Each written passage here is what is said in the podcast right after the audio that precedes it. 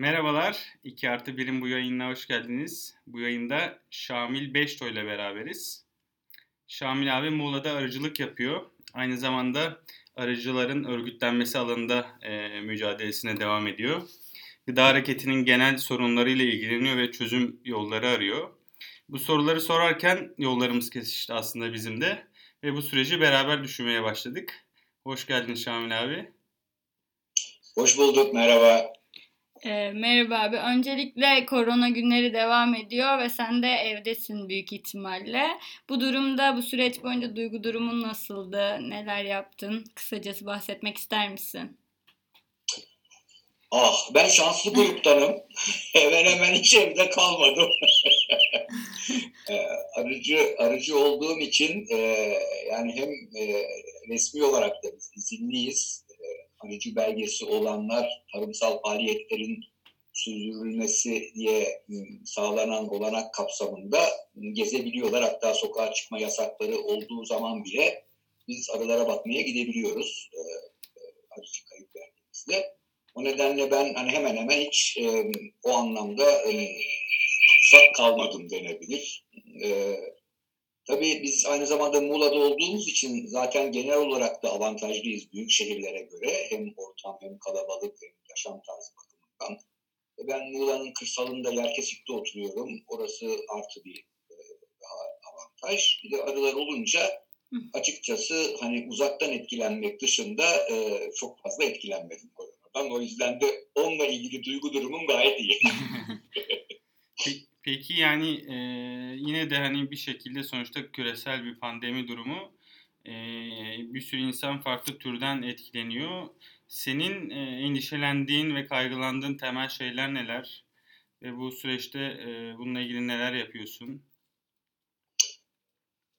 Ah, o bu tabii hani bireysel e, aslında biraz da şakaya vurarak e, geçiştirdiğimiz durum dışında bence çok ciddi bir e, şeyle karşı karşıyayız. Yani bence hazırlıksız yakalandık. Hı hı. Ee, özellikle bizim taraf diyebileceğimiz yani gıda hareketi, doğal ürünler e, üretelim diyenler, e, bu sürecin işleyişine e, geleceğimizi korumak, kurtarmak ve yeniden oluşturmak açısından katılalım diye, diyenler de dahil olmak üzere bence hazırlıksız yakalandık tüm dünya ile birlikte.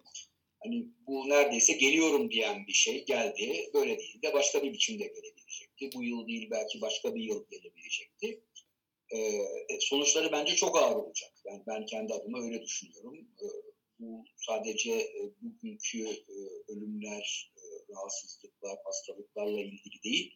Bundan sonra bence yaşam tarzımızı ve algımızı kökten değiştirecek diye düşünüyorum. Sürecin getirdiği travma. Ee, çünkü hani kötü bir laf olacak belki ama hani bu bence iyi günlerimiz e, benim bakış açıma göre. E, şimdi çünkü akut durumu, hastalık durumu e, virüs bir şekilde kontrol altına alınabilecek ama ondan sonra yaşam tarzı, geçim kaynaklarımız, geçimimizi sağlamamız ciddi sorun haline gelecek. Ve ben e, ciddi bir totaliter döneme girilebileceği kaygısını taşıyorum dünya açısından da. Yani bununla ilgili de e, muhalefet e, edebilecek kesimlerin çok organize, örgütlü, bilinçli e, olmadığını da görüyorum aynı zamanda. Hı hı. Burada da bir var. Yani bu ikisi eklenince e, o açıdan biraz zor günler bekliyor bizi diye düşünüyorum. Ee, abi hem sen kendin arıcılık yapıyorsun hem bu faaliyetin içerisindesin hem de aynı zamanda örgütlenme faaliyetine de çok büyük emekler harcıyorsun. Bu noktada özellikle işte bu salgın döneminde arıcıların kendi özelinde yaşadığı sorunlar neler spesifik olarak söyleyebileceklerin bunların çözme noktasında kendilerinin tek başına yaptıkları ya da işte sizin toplu mücadelelerinizle birlikte yapılan şeyler neler neler yapıyorsunuz? Şimdi arıcılık tabii yani karmaşık bir konu. Ee, biz her tarafında olmaya çalışıyoruz dernek olarak, ekip olarak, arkadaşlar olarak. Hı hı. Şimdi bizde bir kısmı arıcılığın endüstriyel arıcılık dediğimiz işte normal, malum e, tarımsal faaliyetler e, çerçevesinde yapılan arıcılık. Ee, onların yaşadığı sorunlarla işte bizim gibi daha doğal, sürdürülebilir e, arıcılık e, yapanlar arasındaki sorunlar birbirinden bir ölçüde farklı. E, birinci grup açısından en büyük sorun e, o arıcılık tarzı bizde ciddi bir gezginci uygulamayla birlikte sürdürülen bir arıcılık. Yani e, takibi e, adı altında e, Türkiye'deki kayıtlı 8 milyon kovanın aşağı yukarı yarısı belki yarısından da fazlası her sene e, en az 3 ya da 4 yer değiştirerek tüm Anadolu'yu dolaşır e, çiçeklenme göre. Ve bu aylarda da özellikle işte Muğla'dan, Aydın'dan, e, İç Anadolu'ya doğru, e, İç Batı Anadolu'dan sonra Anadolu'ya doğru e, e, sevkler başlamış olması gerekir idi. Ama bu koronanın getirdiği kısıtlamalar, yasaklar, sonradan geçici olarak izinler verilse bile e, bununla ilgili lojistik desteğin e, kurgulanmamış olması e, ve tarım işçilerinin sorunlarıyla birlikte katmerleşen bir sorun halinde aslında ciddi bir etki yarattı arıcılar üzerinde. Bir bölümü mesela ne yapacaklarını bilemedikleri için e, bu sene arılarını götürmekten vazgeçtiler. Bekliyorlar ortamın oluşmasını.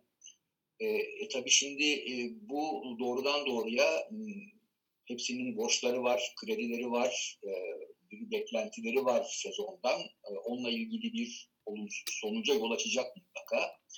Ve tabii bu olumsuz sonucun e, nasıl karşılanacağı ayrı bir tartışma konusu. Başka olumsuzluklara da yol açabilir.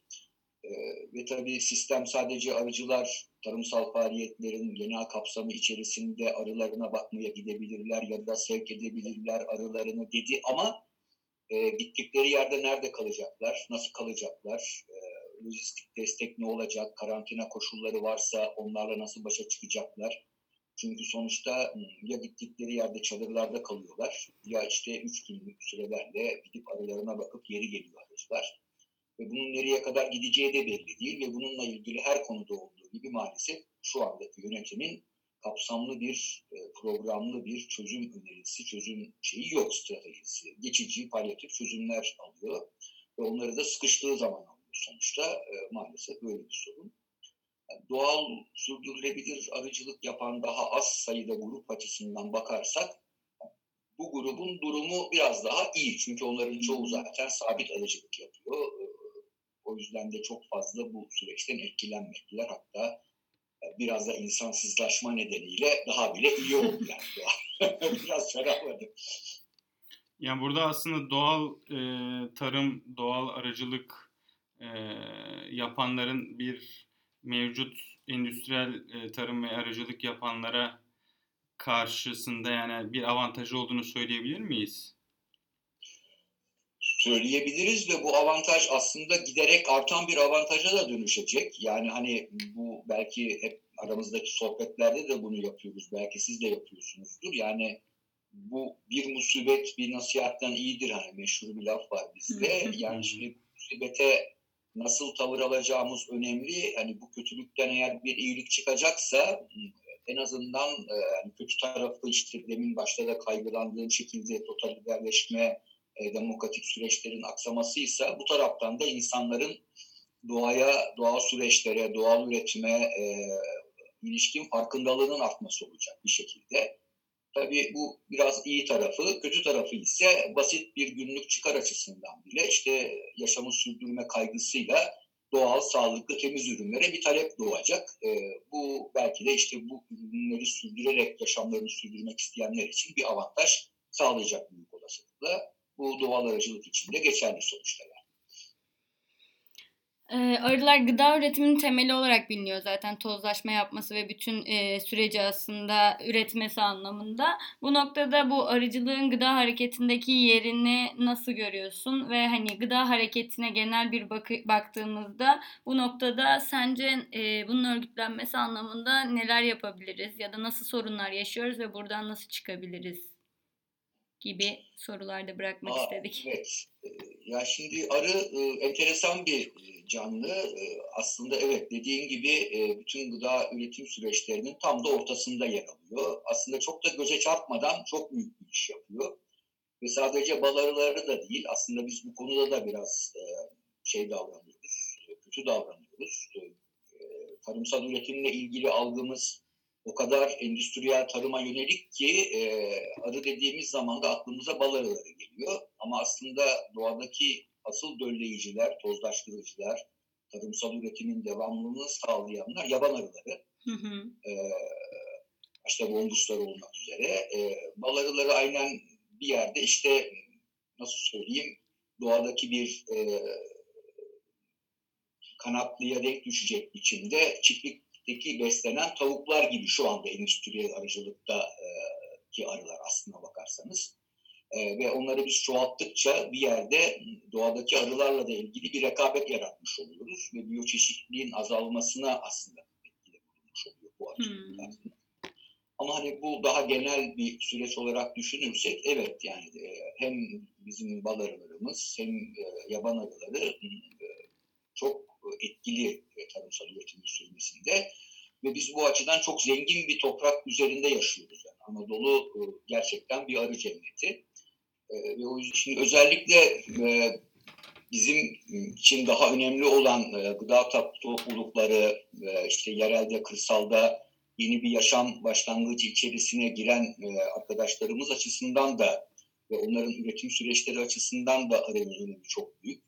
E, ve genelde ihmal edilen bir konu. Yani özellikle işte permakültür kurslarında e, veya buna benzer doğal tarım kurslarında işte özellikle şehirden kırsala yerleşip tarımsal faaliyete başlayanlarla ilgili süreçlerde genelde işte bitkilerle vesairelerle ilgili birçok çalışma yapılıyor ama arılar ve böcekler ihmal ediliyor. Onlar halbuki bu sürecin doğal ve en önemli bileşenleri.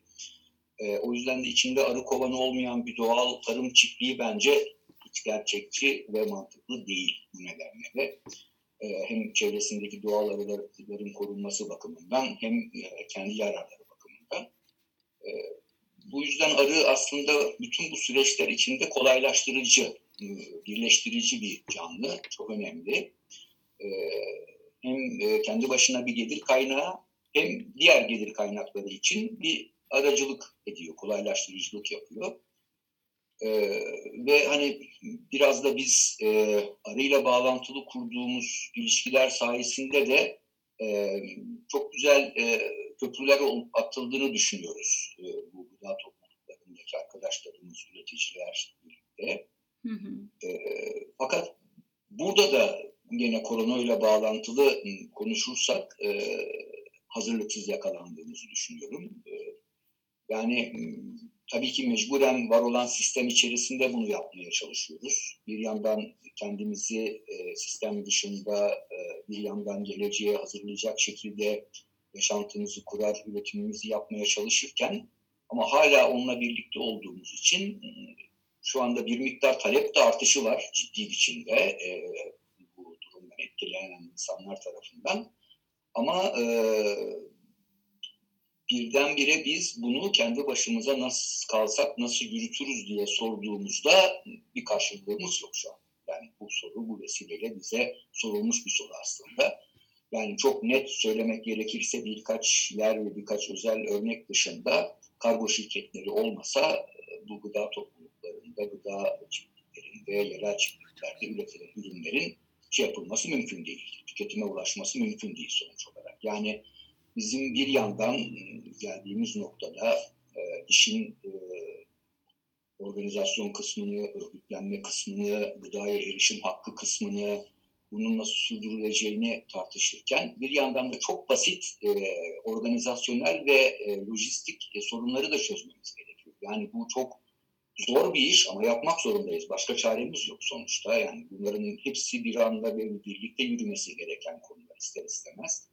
Bizim şekilde e, bunları nasıl çözeceğimizle ilgili ve bu süreçte nasıl yol alacağımızla ilgili e, yapıları, organizasyonel ilişkileri kurmamız gerekiyor. Yani çıkarttığım aslında en önemli ders bu, bu süreçte.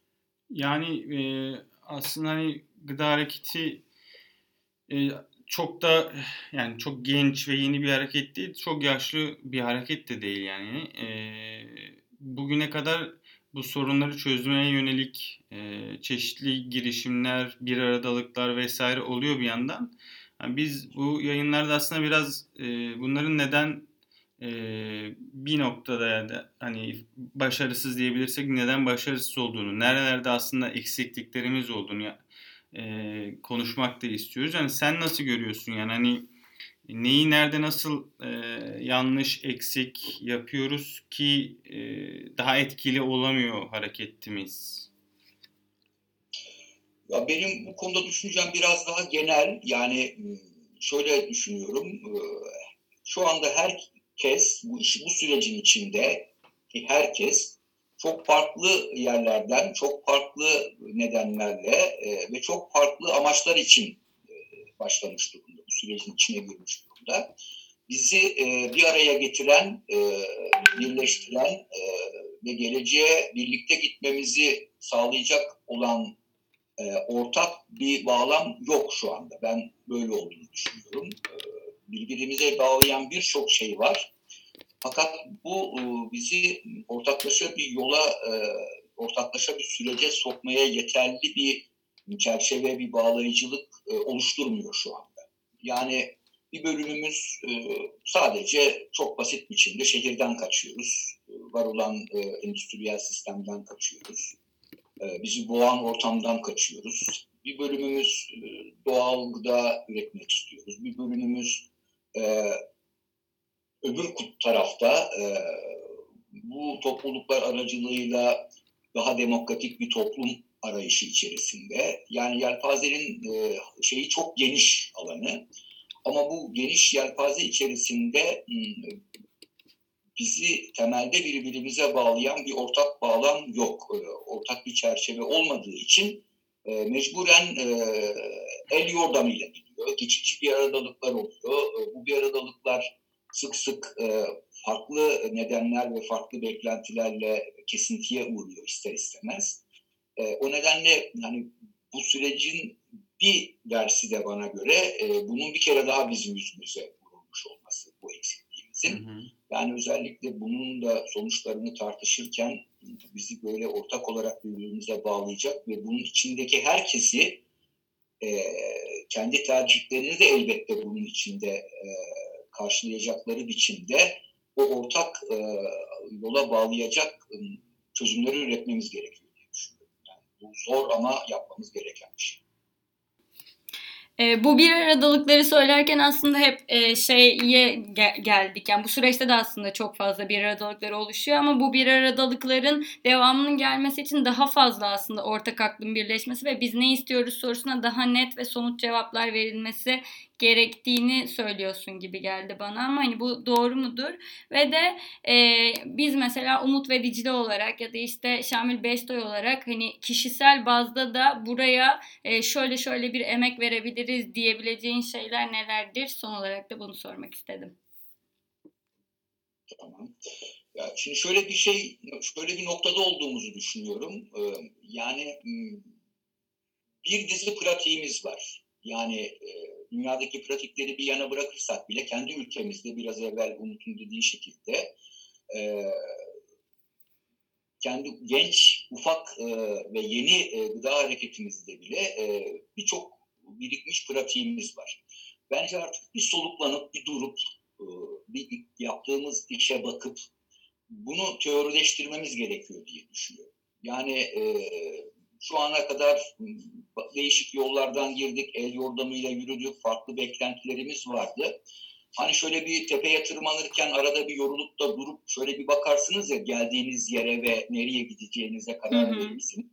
Tam da bu noktadayız bana göre. Yani bir yere geldik, yolun yarısındayız.